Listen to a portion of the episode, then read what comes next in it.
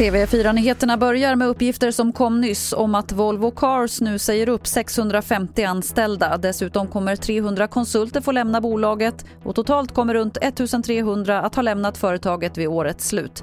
Förutom corona är det en större omställning mot el och digitalisering som ligger bakom. Mer om det här finns på tv4play.se.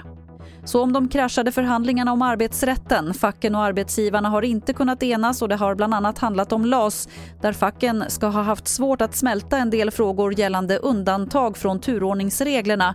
Och det här kan nu leda till en politisk kris.